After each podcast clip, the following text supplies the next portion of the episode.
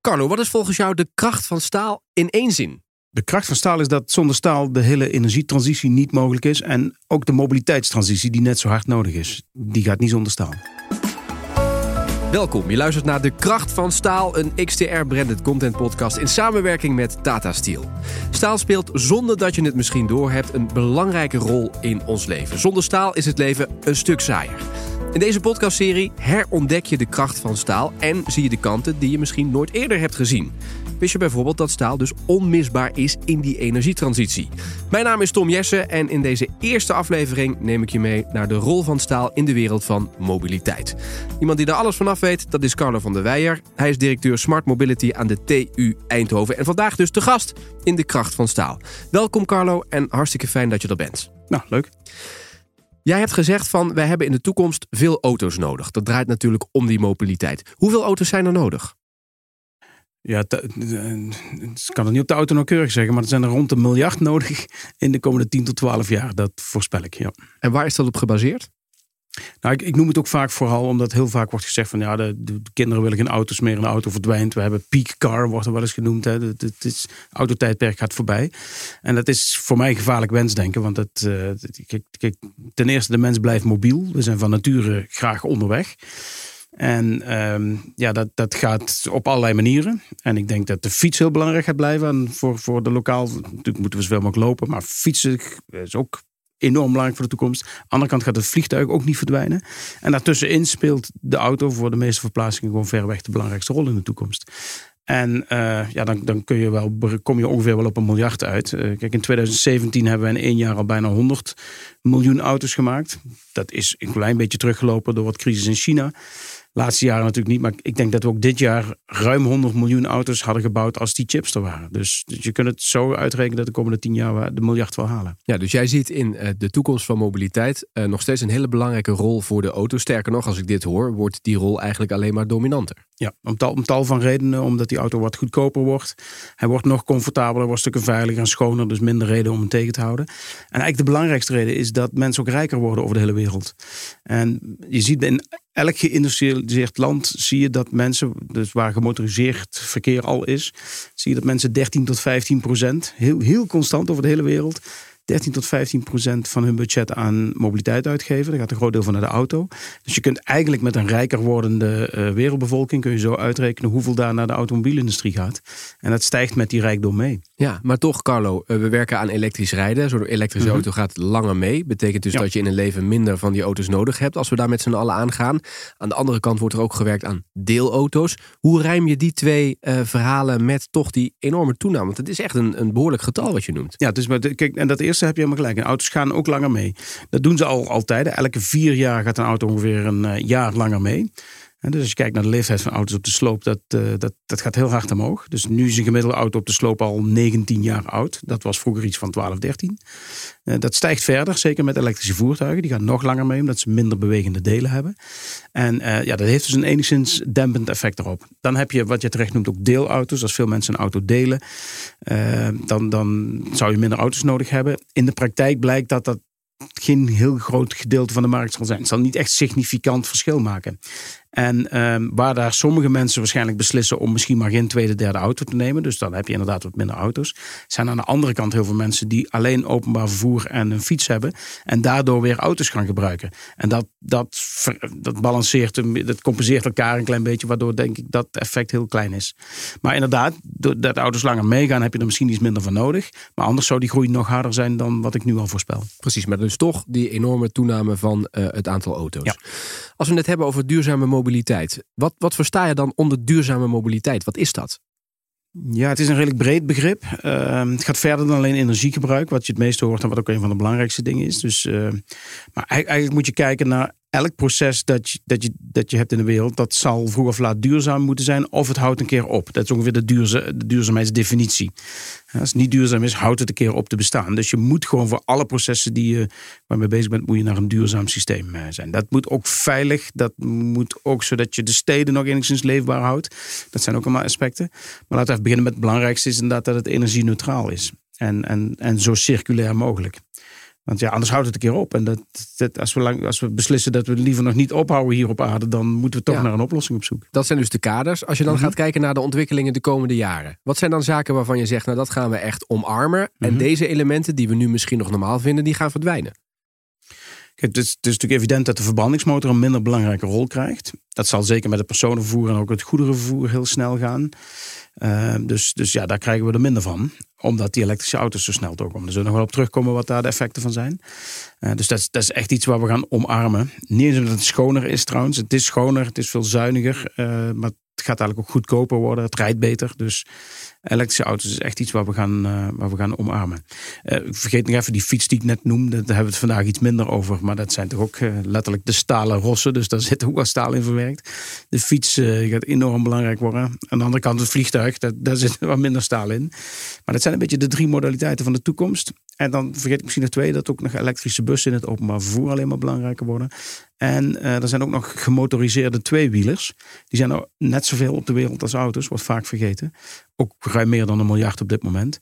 En dat moet allemaal geëlektrificeerd worden en vervangen worden en zo. Dat, is- dat zijn dus andere modaliteiten die het ook goed gaan doen. Precies, dus dat zijn echt de, de, de middelen hè, Ja. die het transport mogelijk maken. Mhm. Eén kleine eh, zijstap. Als je het nou hebt over de, de, de inrichting van steden. eh, hoe daarnaar gekeken wordt. Dat, dat link je misschien niet in eerste instantie aan die mobiliteit, die duurzame mobiliteit. Mhm. Welke rol speelt dat? Dus hoe we onze steden maken en inrichten? Ja, dat klopt. Het is, is ook een trend die bezig is. Als je nou naar een, sommige steden, als je naar kijkt met, met de luchtfoto, dan is ongeveer de helft van de ruimte gereserveerd voor het mobiliteitssysteem.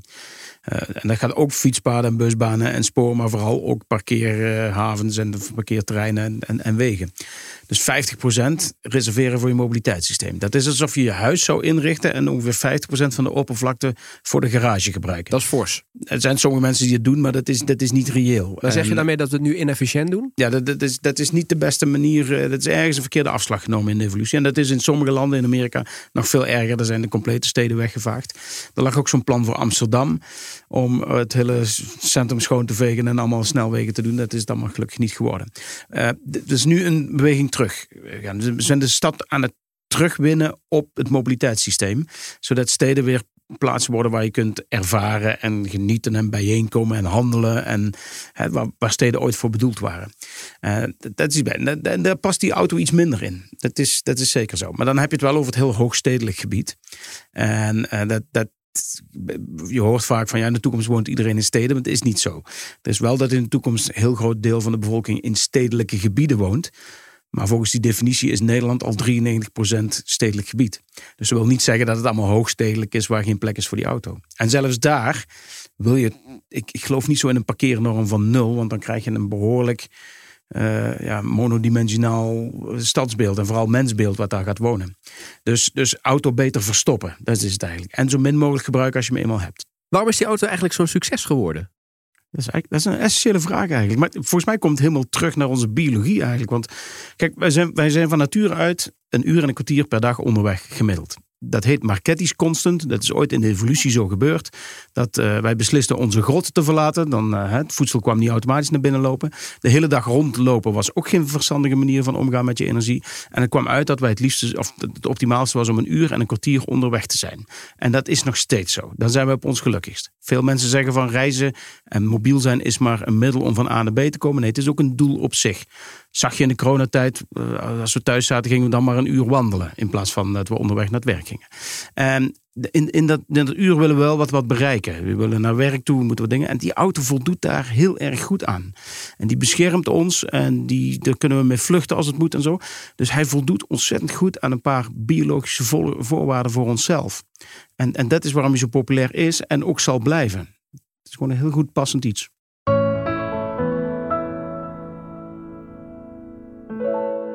Als directeur Smart Mobility aan de TU in Eindhoven ben jij bezig met eh, de mobiliteit van de aankomende jaren. Zeg de komende 10 jaar. Maar je hebt ook een stip eh, die, die iets verder op de horizon staat. Zeg de komende 30, 40, 50 jaar misschien wel. Als we eens iets naar die langere termijn kijken. Hè, Ja. Wat zie je dan gebeuren? Ja, dat is een heel lange termijn. Dan, dan, ehm, ik denk dat een andere historische trend dat we steeds verder zijn gegaan. Vergelijk, vergelijk je opa met je kinderen. Hoeveel die van de wereld hebben gezien ten opzichte van de vroege generaties. Dus onze actieradius is enorm toegenomen. En dat is iets wat je volgens mij zeker de jeugd ook niet meer afpakt. Dus ver reizen en steeds verder reizen gaan we blijven doen. En eh, dat terwijl we net hebben gezegd dat we wel alles duurzaam moeten maken. Dat is een spanningsveld. En dan kun je twee, hoofdzakelijk twee oplossingen doen. Dus dat je of zegt, we, gaan, we moeten maar minderen en maar minder vliegen en maar minder auto's en minder. En we moeten daar ook wel de rem op houden. Maar de hoop dat dat iets oplevert is nogal ijdel. Uh, ik, ik, ken uit de hele geschiedenis geen voorbeeld van een, een, een, echt consuminderen. Dat mensen bewust een stap terug in comfort hebben gedaan. Een flinke stap terug. Ik bedoel, even buiten roken of je, of je batterijen eh, apart weggooien. Dat vind ik geen stap terug in comfort. Dat hebben we geleerd. Dat was maar een klein beetje moeite. Maar echt een fundamentele stap terug in comfort. Om voor een hoger doel. Dat is nooit gelukt in de geschiedenis. Dus denk ik dat je naar een ander moet. Dat, dat het niet, niet minder moet worden, maar dat je het maar anders moet doen. En die duurzaamheid moet halen uit het feit dat je dezelfde dienst biedt, maar dan met iets wat wel duurzaam is. En hoe kunnen we dat dan doen? Wat is daarvoor nodig? Nou, dat is als we het nou over staal hebben. Dat, dan zal dus kun je zeggen, ja, dan gebruiken we geen staal. Maar nee, dan moet je gewoon datzelfde staal, maar dan maar duurzaam. En, en zeg, zeg over 200 jaar maken wij staal helemaal duurzaam. En over 100 jaar ook en over 50 jaar ook. En ik denk zelfs al over 30 jaar. We moeten gewoon zorgen of we er niet 29 of 28 of zo snel mogelijk kunnen maken. We moeten toch een keer naar zo'n situatie toe dat we fossielvrij staal hebben. En dan los je dus het probleem op niet door weer te gaan minderen en terug te gaan in comfort. Maar gewoon het probleem op te lossen bij de bron. Precies, want jij noemt nu staal. Welke rol speelt staal in die duurzame mobiliteit en die plannen die we net bespraken? Ja, daarom zei ik ook, volgens mij kan zo'n duurzaam systeem niet zonder staal, want het moet toch allemaal gedragen worden, letterlijk en figuurlijk. Ja, je zou kunnen zeggen, ik zoek naar alternatieven. Ja, en, en er zijn alternatieven. En alleen, ik denk ook niet dat het of-of is. Dit klinkt ook wel clichématig, maar we hebben ze allemaal wel nodig om, mhm. om die, die miljard auto's te bouwen. En voor elk onderdeel is wel een zinniger soort uh, materiaal.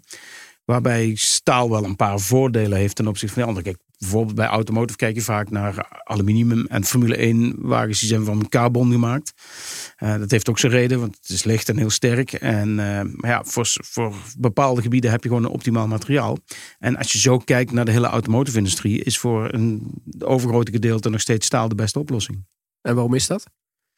Het is heel sterk en dat wordt belangrijker als auto's langer meegaan. Dat is wel, hè, dus, dus in die elektrische auto is staal een belangrijke rol. Weliswaar duurzaam ja, staal op termijn. In, indirect omdat een elektrische auto langer meegaat. Er zijn minder bewegende delen. Die accu die kun je een keer vervangen, maar ook op termijn kan die ook wel 25, 30 jaar meegaan. Dus die gaat echt weer significant langer mee dan de huidige auto's. En dan is een, een staal een fijn materiaal, omdat het uh, langer meegaat, sterk te blijven, vorm vast is, niet verkleurd. En, uh, en ook repareerbaar is. Dat is ook wel belangrijk, want uh, als je auto 25 jaar meegaat, heb je meer, ook al worden auto's veiliger, maar ja, je hebt toch meer deukjes en takken die erop vallen en dat soort dingen, dat blijft gebeuren. En je wil natuurlijk mensen die gemiddeld zeg uh, 70, 80 kilo wegen ook veilig uh, vervoeren. Ja, dat is de essentie, ja. Want we, heel vaak heb je het over disrupties. En uh, in Silicon Valley, waar ik, waar ik nou al ooit mag komen, althans in een normaal jaar, daar, hebben ze het altijd maar over dat, dat de complete wereld gedisrupt wordt. Hè? Dat, want ja, Kodak dacht ook dat ze veilig zaten met filmen. En dat is ook allemaal gedigitaliseerd. En uh, ja, dat, dat, is waar. Maar dat wil niet zeggen dat dat hetzelfde precies gebeurt met elk raar idee dat zich opdoemt om weer een nieuwe industrie te disrupten. Dus te ontwrichten. Het is niet eens een Nederlands woord. En voor een encyclopedie, dus nog zo'n markt. Encyclopedie kun je aan je kinderen niet uitleggen wat het is. Maar daar is een compleet digitaal alternatief gekomen. Voor fotografie ook. Voor muziek is een compleet digitaal alternatief, wat allemaal veel beter is geworden. Als je mensen transporteert van gemiddeld 75 kilo, wat je zegt, of pakketjes, dan gaat het over iets fysieks. En dan blijft gewoon materiaal nodig, dan blijft mechanica nodig en zo. En dan krijg je wel een hele belangrijke rol van digitalisatie. Maar dan is het per definitie een mengvorm. En dan gaat die disruptie niet zo snel. Dan heb je niet binnen twee jaar een complete industrie omgedraaid. En dat is zeker bij zo'n fysieke industrie als mobiliteit blijft, blijft dat staal dus ook, of in ieder geval de materialen om het allemaal te dragen, blijven heel belangrijk. Exact, maar als ik je dus goed begrijp, staal blijft, dat verdwijnt niet, maar wel met een uh, duurzaam karakter. Dus we moeten daar wel gaan zoeken naar hoe kunnen we het schoner maken en, en in de circulaire economie toepassen. Ja, en er zijn mogelijkheden voor en die zijn behoorlijk ingrijpend. Als je moet berekenen wat je er allemaal voor moet doen, dan kom je op getallen. Dat is, dat is niet normaal. Waar denk je aan dan? Ja, nou, hoeveel miljoenen tonnen aan groene waterstof je wel niet nodig hebt. En hoeveel zonnepanelen en windmolens om, om die energie op te wekken. En als mensen, dan duizelt het je. Het zijn echt overweldigende getallen. Maar dat is niet onmogelijk. Daarom zeg ik heel vaak van, we gaan de komende tien jaar 10 miljard auto's, sorry, 1 miljard auto's bouwen. Uh, als, als dat kan, kunnen wij ook heel veel andere dingen. Dus, dus de mensen staan makkelijk toe in staat om dat om te draaien. Dat zal vroeg of laat moeten. Ja, het moet alleen zorgen dat het vroeg wordt in plaats van laat. Steeds meer mensen die eh, stappen ook eh, over op een eh, elektrische of in ieder geval een hybride auto. In ieder geval een Mhm. auto die je dus moet laden. Ehm, we hebben het er ook al kort eventjes over gehad. Maar wat zijn nou eigenlijk de voordelen van die elektrische auto? Hij gaat langer mee, dat hebben we al gezegd. Wat Ja. kunnen we er nog bij zetten? Hij heeft veel minder onderhoud nodig. En omdat er minder draaiende gedeeltes in zitten, dat is, dat is eigenlijk het belangrijkste. En wat wij noemen minder essentiële componenten, dat zijn componenten waarvan als ze kapot gaan, dat je naar de garage moet. Nou, die, die zitten er tien keer minder in dan in een klassieke auto. Onderhoud is wel wat duurder, begreep ik hè? Dus als het eenmaal onderhoud is, heb je het ooit wat duurder. Maar dat, dat, kijk, als bijvoorbeeld de batterij is, dan is dat wat lastiger. Maar het is veel minder onderhoud. En het is maar de vraag of dat op lange Ja. termijn ook nog duurder is. Maar kun je even aangeven, Dus, eh, een, een traditionele auto en een elektrische auto, hoeveel langer gaat die elektrische auto dan mee? Ja, ik, ik denk dat er nog dat er zomaar vijf tot tien jaar bij komt. Het wordt meer beperkt door de batterijen. En die batterijen worden steeds beter. Die gaan steeds langer mee. Mhm. Dus op een gegeven moment denk ik dat, het, dat zo'n auto makkelijk 25, 30 jaar mee kan gaan. Waar we het dus nu hebben over 19 jaar. Dus je kunt er meer en langer mee rijden. Ja, meer, langer en goedkoper. En het rijdt fijner. Ik weet niet of je, je hebt ervaring ook al. Eh, vroeger waren het golfkarretjes, tegenwoordig zijn het de makkelijkst rijdende auto's eigenlijk. Ze zijn stiller, dat is ook wel een voordeel. Overigens is dat maar tot de 30 km per uur. Hè. Je moet, op snelwegen zijn ze eerder, maken ze iets meer lawaai misschien wel omdat je daar alleen maar banden hoort. En dat gaat een beetje met gewicht. Dus nee, maar in steden tot 30 km per uur heb je behoorlijk rustiger wegbeeld. Dus eh, dat, dat is ook wel een voordeel. Maar het rijdt fijn. Maar eigenlijk is gewoon het, het grootste voordeel waar het op neerkomt, is doordat die langer meegaat, minder onderhoud. Doordat die batterij steeds goedkoper wordt, eh, wordt het gewoon goedkoper rijden. En ook significant goedkoper rijden op termijn. Dus eh, dat punt hebben we nu niet bereikt. Nu, nu, hebben nu zijn ze nog redelijk duur. Maar als je de total cost of ownership kijkt, zal over een, tussen de vijf en tien jaar zal een elektrische auto gewoon ook zonder de subsidie en ook netjes belasting betalen voor de wegen en zo wat je nu niet doet, is een elektrische auto goedkoper.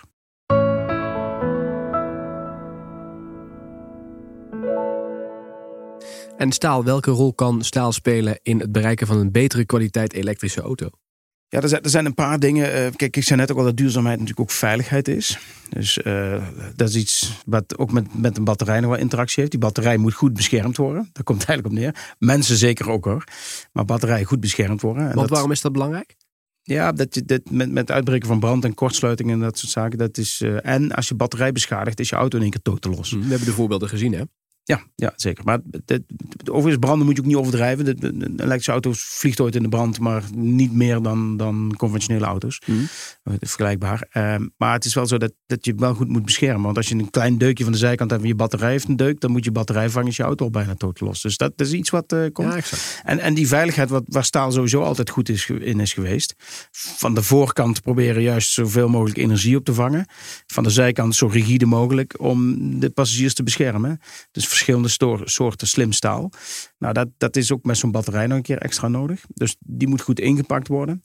Je bent aan de andere kant de motor en de versnellingsbak kwijt. Dat was ook een hoop metaal. Maar dan krijg je ook een elektromotor voor terug. Die ook weer die zonder staal ook niet zou draaien. Eh, dus dat zijn verschillende aspecten waarom, waardoor die staal gewoon, ehm, eh, gewoon belangrijk blijft. Ehm, maar eh, toch, die veiligheid is, is toch. Eigenlijk is het veiligheidsprobleem van mobiliteit misschien nog wel groter als je kijkt naar de maatschappelijke kosten dan het duurzaamheidsprobleem. Dus laten we, of het, het energiegebruikprobleem. Dus laten we ook in die veiligheid nooit vergeten. Ja, je hoort mensen ook wel eens zeggen aluminium. Hè? Daar wordt ook wel eens over gesproken. ja. Zou dat nou ook bij zo'n elektrische auto van, van, ja, van toegevoegde waarde kunnen zijn? Ja, en er zitten ook echt wel eh, aluminium elementen in. En op sommige plekken zijn die ook het beste. Eh, Zoals? Ja, de, de draaiende delen en zo allemaal. Dat is, het, is toch, het is toch altijd iets lichter. Dat zit in het detail, begrijp ik uit Het je zit met detaildingen hier en daar is beter. En af en toe wat panelen misschien ook wel. Het probleem van aluminium zou kunnen zijn. Tenminste, als je, als je nou op een hoger abstractieniveau kijkt. Dan is staal natuurlijk wel beter in staat om langer mee te gaan. Eh, dat is toch wel een sterkte van staal. Minder slijtage. En als auto's langer meegaan, dan heb je iets meer eh, profijt van staal. En zeker in carrosseriedelen die gedurende die 25 jaar meer beschadigen dan gedurende 18 jaar. Per definitie. En als je auto langer meegaat, ben je ook eerder genegen om een reparatie te laten doen. Want anders, als je denkt van nou, hij gaat nog maar twee jaar mee, doe je dat niet. Dus die, heel die herstelpotentie van staal is er ook heel belangrijk bij. Dat zijn zo van die aspecten. En dan komt eigenlijk, als je ook nog een keer na de levensduur kijkt, dan komt eigenlijk het belangrijkste sterkte van staal. Want, wat gebeurt er dan? Ja, staal is per definitie 100% recyclebaar. Het is relatief makkelijk uit het vuilnis uh, ertussenuit, uit de sloop te vissen, omdat het magnetisch is. Dus uh, daar spaar je ook wat kosten en energie bij. Maar die recyclebaarheid van staal is in een complete circulaire economie wel wat belangrijk ten opzichte van de concurrenten uh, van staal. ik zeg niet dat die niet meer nodig zijn, want we hebben ze allemaal nodig om, om al die auto's te gaan bouwen. Maar met een langere levensduur en ook zeker met een eis van circulariteit die randvoorwaardelijk is in de automotive industrie is dat, is dat wel een voordeeltje van staal uh, die je niet kunt ontkennen.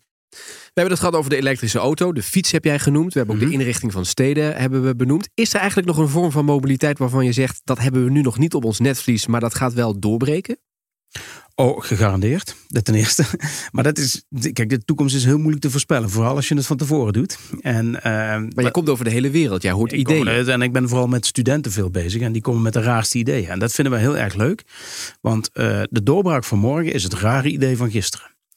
Uh, dus je moet constant op zoek gaan naar wat, wat zijn er nog voor rare ideeën. Want het zijn uiteindelijk toch wel die hele rare ideeën die uiteindelijk een doorbraak Maar wat speelt er dan nu bijvoorbeeld? En ik moet wel even zeggen, het is niet andersom. Het is niet dat elk raar idee ook een doorbraak vormt. En dat zijn met die studenten die met zonneauto's komen. Dan denk je ook van dat kan niet. En uh, ja, nou kun je hem daar toch kopen. En uh, ja, je kunt bijvoorbeeld aan een Hyperloop denken. Dat is ook een heel raar idee om in een vacuümbuis, die dan weer van staal is. Hè, dan moet je wel zorgen dat dat staal wel helemaal duurzaam gemaakt is. Want dan anders bespaart er niks mee.